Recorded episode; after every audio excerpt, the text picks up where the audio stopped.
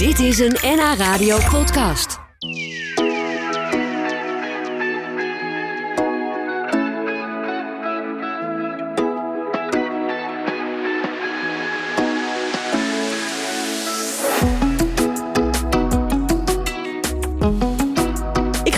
Met eh, Walter Engbert. Zij heeft een succesvol hoveniersbedrijf in Zuidoost-Beemster. Beheert het Beemster Bomenmuseum. Geeft les op scholen. Was op tv als de Freek Vonk van de Planten.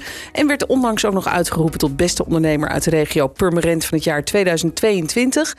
En toch heeft hij nog even tijd gevonden om vandaag hier aan te schuiven als gast in Lunchroom. Ja. Welkom Walter, dat vinden we Bram fijn. is het, Oh, eh, Bram, zeg ik Ja, Walter? geeft niet. Hoe kan dat nou? nou Ook een ja, dat- mooie, dat mooi dan- synoniem Dat staat dan overal Ja. verkeerd, denk ik, Bram. Ik ga mijn best doen om dat te negeren. Ja. Ehm, ja, fijn dat je er bent. Eh, en, en leuk wat je allemaal doet. Alles heeft te maken met bomen en struiken. Was je daar als, als kleine Bram, als kind ook al in geïnteresseerd? Was dat, is dat al jong begonnen bij jou? ja, het is vooral de natuur. Hè. De natuur die groeit, dat vind ik gewoon mooi. Eh, als jonge jongen, ja, zeker wel. Toen ben ik altijd wel aan het zaaien geweest. En we hadden thuis een grote moestuin. En eh, dus eigenlijk die planten, ja, dat is eigenlijk wel iets wat op mij altijd heeft getriggerd, zeg maar. En je groeide op eh, op een kinderboerderij? Ja, klopt, ja. ja. Echt? In, in Purmerend heb je een park. En in het park staat een kinderboerderij. En daar woonden wij eigenlijk alleen. Dus wij, voor de rest hadden we er niet, niet zo heel veel mee te maken. Maar het was een unieke plek midden in Purmerend... om eh, in een groene omgeving op te groeien. Ja, maar ik kan me voorstellen dat alle kindjes van school wel bij jou wilden komen spelen. Ja, ja, ja. Jij was super populair, Ja, populair was denk ik. populair. Ja. Ja. Heel kan leuk ik me. Ja. voorstellen. Ja. maar goed, dan zou je ook nog kunnen denken dat je later heel erg geïnteresseerd raakt in de dieren. en Dat ja, je dat heb ik eigenlijk wordt. nooit zo gehad. Nee? Nee, nee, nee. Nee, helemaal niet. Mijn broer bijvoorbeeld wel. Die vindt dat prachtig. En ik, eh, nee, ik heb daar eigenlijk nooit echt... eh, Jij was echt van jongs af aan al geïnteresseerd in de planten. ja. En, en ook in de bomen? En ja, alles wat groeit eigenlijk. Ja. Ja, ja. Ja. En waar uitte zich dat in? Waar, waar was je dan als kind bijvoorbeeld mee bezig? Nou Was ja, ik had, eh, we hadden bijvoorbeeld een week nog goed, hadden we een grote hibiscus. En eh, dat was een soort, een heester is dat. En die, die zaaide zichzelf uit. Toen dacht ik, eh, een combinatie van handel en ik vond het mooi om te laten groeien. Dus ik denk, hé, hey, als ik die nou in een potje doe, dan groeit het. En, dan, en ja, dat is wel bijzonder. En mijn En- vader en moeder hebben nu, die zijn verhuisd inmiddels eh, al 15 jaar geleden. Zeker 15 jaar geleden. En die hebben nog steeds diezelfde struik Ach, van toen en mee verhuisd. Dus ja, ja. Oh, wat mooi. Ja. En, en de rest heb je verkocht? Die, die, ja, die nou ja, goed. eh, ja, ik ben Is ook ondernemer. Ja, dus dat zat er ook al vroeg in, dat ja, ondernemen. ja, ja, ik ben altijd wel daarmee bezig geweest. Ja. Ja, wat grappig. Ja, sommige mensen hebben dat gewoon. Ik totaal niet. Maar Nee, er nou zijn van die mensen die als kind al handeltjes zien in, in dingen. Wat, wat mooi is dat. En, en hoe ben jij vervolgens, hoe is dat later verder gegaan? Hoe ben jij dan gekomen waar je nu bent met je eigen hoveniersbedrijf? Nou, ik was dus... eh eerst heb ik een HAVO, of eh, HAVO-VWO-niveau gekregen. Maar ja, toen kwam ik helemaal niet in aanraking met dat groen. En ik zeg altijd, toen was ik zo goed. Na twee jaar, toen mocht ik eindelijk naar het VMBO. Ja, ja. Eigenlijk is dat natuurlijk een degradatie. Maar eh, ik denk dat dat mijn redding is geweest. Dus Ja? toen ben ik echt... Ik zeg, oké, nu word ik hovenier. Toen was ik 13. 13, 14 zeg maar. En ehm, toen heb ik altijd voor mezelf gezegd... ik wil een eigen onderneming starten. Zo.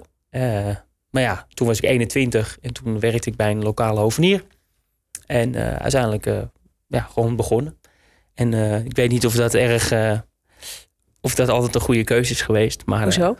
nou ja, als je 21 bent en je denkt van ik ga wel even een onderneming runnen. Ja, ik vind het stoer. Dan komt er wel een hoop bij kijken. Ja, Ja. waar liep je tegenaan bijvoorbeeld? Wat je van tevoren als jonge jongen niet bedacht had? We- belastingdienst, eh, liquiditeit, eh, omgang met mensen, eh, projectmatig plannen, eh, time management, noem het maar op. Ja, Hè, waar je als ondernemer gewoon rekening mee moet houden en eh, gedreven in moet zijn.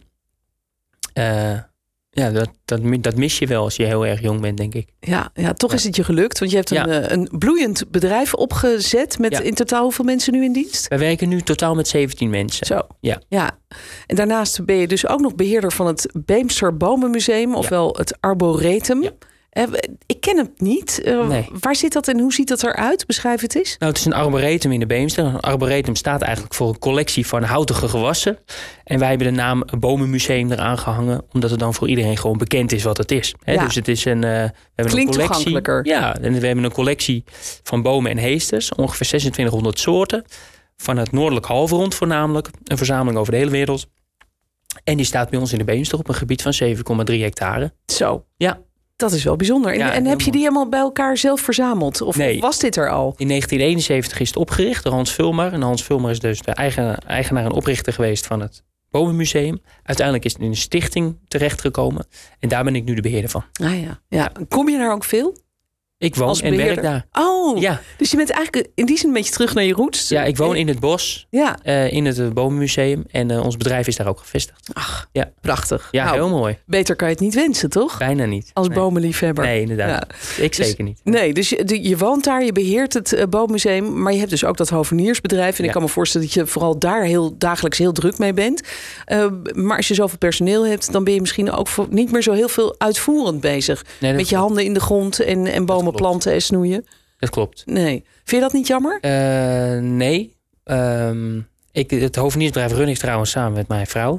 Eh, wij hebben dat echt helemaal samen opgebouwd. En eh, dus zij doet alles, alles op het gebied van personeel en financiën. En dus mijn steun en toeverlaat, zeg ik Ja. altijd maar. Ja. En we hebben operationeel bedrijfsleider in dienst genomen. Die echt het operationele gedeelte wat meer oppakt. Zodat ik echt het contactpersoon ben voor de klant. Het gezicht van de zaak. En dat mijn bedrijfsvisie, eh, dat ik die echt kan doorvoeren voornamelijk. En Ja. dat vind ik juist leuk, want ik ben op die manier echt met mijn vak bezig. Ja. Hè, want in, eh, met je Ja. handen in de aarde is heerlijk, maar dat kan ik ook s'avonds in mijn kas of in het weekend in de tuin. Dus eh, ik kom wel aan mijn trekken, zeg ik altijd maar. Ja, ja, Ja. precies. Dat, dat kan allemaal naast het werk. Maar Ja. die visie, dat is voor jou belangrijk. Je hebt echt een missie. Zou je eens kunnen omschrijven wat die missie dan is? Nou, ik heb hem omschreven om mijn missie is om Nederland te vergroenen. Dat Heel Nederland, eh, oké. omschrijving. Ja, de wereld vond ik een beetje erg heelal. eh, veel eh, ja. gevraagd. Maar ehm, ja, en eigenlijk houdt, houdt dat in dat dat mijn missie is. Dus alles wat ik doe, eh, moet daarmee te maken hebben. Ja. Dat is, eh, ja, en dat is een behoorlijke drive geworden, waar- waarin ik nog veel meer dingen ben gaan doen. Ja, want je geeft ook les op scholen, begrijp ik. Je, ja? Nou, we hebben een lesprogramma ontwikkeld Ja. eh, voor basisschoolkinderen van groep 1 tot en met groep 4. Want daar was eigenlijk helemaal niets voor op het gebied van vergroening. Het is eigenlijk ook wel gek. Als je dat bedenkt in deze tijd. Ja, toch? zeker, Ja. zeker. En dat is toch de toekomst. En dus daar hebben we een lesprogrammaatje voor geschreven... waarin wij fysiek met ons team in de klas komen... om echt 20 minuten met de kinderen aan de slag te gaan... in drie thema's per jaar. Dus eh, nu zitten we midden in het thema van bol tot bloem. Dus dan geven we een les over waar de bol vandaan komt... hoe een bol nou groeit en waarom een bol belangrijk is... en wat je ermee kunt. Ja. waarom de bloemen zo belangrijk zijn. Aan de kleine kinderen. We laten alles achter op school. En eh, we hebben speciale plantenbakken ontwikkeld met een lesprogramma erbij. Dus dan hangt, dan hangt de poster in de klas. Ze krijgen allemaal een flyer mee. Waarin ze echt wat kunnen leren over die bol. Ja. En dan gaan ze aan de slag met elkaar. En je hoopt, denk ik dan, dat de jongelui zich wat bewuster worden van, van hoe mooi de natuur in elkaar zit. Ja, zodat kijk. ze daar misschien ook wat voor gaan doen. Zeker, kijk, en verwondering, dat is natuurlijk het mooiste wat er is. En dat heb je sowieso. Dus enthousiast worden ze wel. En dan is het inderdaad belangrijk dat ze zich echt bewust gaan realiseren. Ja, maar wat betekent dat dan voor onze wereld? En ik denk, als je dat al vanaf jongs af aan meekrijgt, dat dat een gegeven wordt in plaats van dat we er later interesse voor moeten gaan opwekken. Ja, mooi bedacht. En eh, je werkt er ook hard voor. Daarom ben je natuurlijk ook uitgeroepen tot ondernemer van het jaar. eh, omdat je die missie hebt en hem eh, ook echt uitvoert. Fijn dat je toch even tijd hebt om bij ons te zijn vandaag. Ik wil zo nog wel even wat meer van jou horen. Want dan gaan we het ook hebben over ja, hoe je die missie in de praktijk vertaalt. Want jij krijgt natuurlijk ook gewoon als hoveniersbedrijf... krijg je gewoon opdrachten van Ja, mensen. Verzoeken om een mooie tuin aan te leggen. En daar kun je natuurlijk ook heel veel in kwijt. Dus Zeker. daar horen we zo meer over. En misschien krijgen we dan ook wel een paar tips van je. Want er zijn denk ik veel mensen die zitten te luisteren. en denken, ja, ik wil ook best wel wat vergroenen. En wat doen voor, voor nou ja, de, de planten, voor de bijen, de insecten. Maar hoe dan? Nou, wie weet horen we dat zo dadelijk. Ja. Dan eh, praat ik verder met mijn gast vandaag. Je bent er maar druk mee. Je woont en eh, beheert ook het. eh, woont in het Bomenmuseum, het Arboretum van, van de Beemster. En daar ben je ook de beheerder van. Ja. Je geeft ook. eh, je hebt een onderwijspakket ontwikkeld. om ook scholieren, leerlingen al bewust te maken van hoe mooi de natuur in elkaar zit. Maar je bent dus ook gewoon hovenier. Of nou gewoon, je hebt, je hebt ook gewoon een hoveniersbedrijf. Ja. Dus er komen regelmatig mensen bij jou die een nieuwe tuin willen, een, een ontwerp. Ehm, hoe, hoe pak je dat aan eigenlijk? Zeker met jouw missie in het achterhoofd, dat je namelijk heel Nederland groener wil krijgen. Ja, nou kijk, het is natuurlijk een, we hebben een deel van de mensen die weten dat dat eh, mijn missie is. Die zeggen van Bram, help ons ook eens even. Ja. En dat is natuurlijk een, eh, in, een inkoppertje, om het zo maar even te noemen. Ja, En hebben mensen die eigenlijk helemaal niet bewust zijn. Dus die zeggen van nou, oké, eh, nieuwe tuin, we googlen eens even. Oh, ons bedrijf, Eng met Souvenirsbedrijf. Zeggen nou, laten we die eens even bellen, eens even een gesprek. En dan vertalen wij eigenlijk de wens van de klant naar een ontwerp. En on- in onze ontwerpen zit gegarandeerd een klimaatbestendige tuin. Oh, En dus ook terwijl mensen zich er helemaal niet altijd bewust van zijn. Ja, dus als mensen tegen jou zeggen van nou, we hadden gedacht om eh, links helemaal met rode tegels te leggen en rechts helemaal met zwarte tegels te leggen, Ja. dan zeg je dat doen wij niet. Nou, zeg ik, dat is hartstikke een leuk idee. Zeg, dan ga ik daar gaan kijken hoe ik daar een eh, duurzaam concept van kan maken. Ja? En want het ja, want, natuurlijk... tegels zijn natuurlijk niet goed, toch? Nee, voor de nee, we vergroening. gaan de tegels, we gaan natuurlijk de tuin niet bestraten. Hè, maximaal 40 procent. verharding gebruiken we alleen functioneel.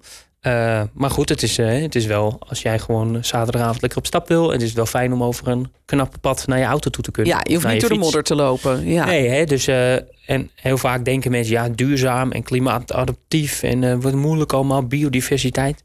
Maar we kunnen alle tuinen die je maar kan bedenken... van Japans tot modern tot klassiek, romantisch, noem het maar op. Alles kan duurzaam zijn. En eh, ik denk dat mensen, dat, dat wij eigenlijk proberen daar een soort van sleutel in te zijn. Ja. Om ervoor te zorgen dat als je van modern houdt, dat je wel een beetje bewust je tuin kan inrichten. ja, en dat betekent dus niet te veel tegelen. Misschien een beetje een waterpartijtje erin. Dat is natuurlijk ook altijd fijn. Ja, zeker. eh, Ja. En waar laat je regenwater? Hè? Oh ja. Zorg dat het in de bodem blijft. Dus Ja. Zorg dat je bodem rijk is. Hè? Dus dat je veel eh, organisch materiaal erin hebt. Dat je bodemleven hebt. Hè? Zodat het bodemleven, en wormen, et cetera, die zorgen ervoor dat het doorgespit wordt eigenlijk. En eh, veel humus, hè? dus Ja. eh, organisch materiaal. Die Maar, maar hoe kom je aan veel wurmen eigenlijk? Hoe zorg je die, daarvoor? houden, hè, die houden van eh, bladresten bijvoorbeeld. Dus als jij in de herfst je blad lekker in je borden laat zitten... dan spitten die wormen er voor je door je heen. Oh ja. Daar kunnen ook wat vlinders in overwinteren. Dus dat is bijvoorbeeld eh, ook iets wat erg belangrijk is. Dit is alvast een leuke tip voor de mensen thuis. Die denken, wat kan ik nou eens doen in mijn tuin om de klimaatverandering tegen te gaan? Ja. Gewoon de bladeren een beetje laten liggen, Ja. zodat die, eh, die, die wormen daar eh, Ja, kunnen, kunnen grasduinen. Heb je nog een andere tip of, of is er iets wat je vaak tegen mensen zegt die een nieuwe tuin willen over, over wat voor soort struiken of planten je of bomen je bijvoorbeeld neerzet? Ja, wat erg belangrijk is voor de insecten. Hè, voor die, die zorgen natuurlijk voor de bestuiving van alle planten. Dus Ja. ook voor ons voedsel.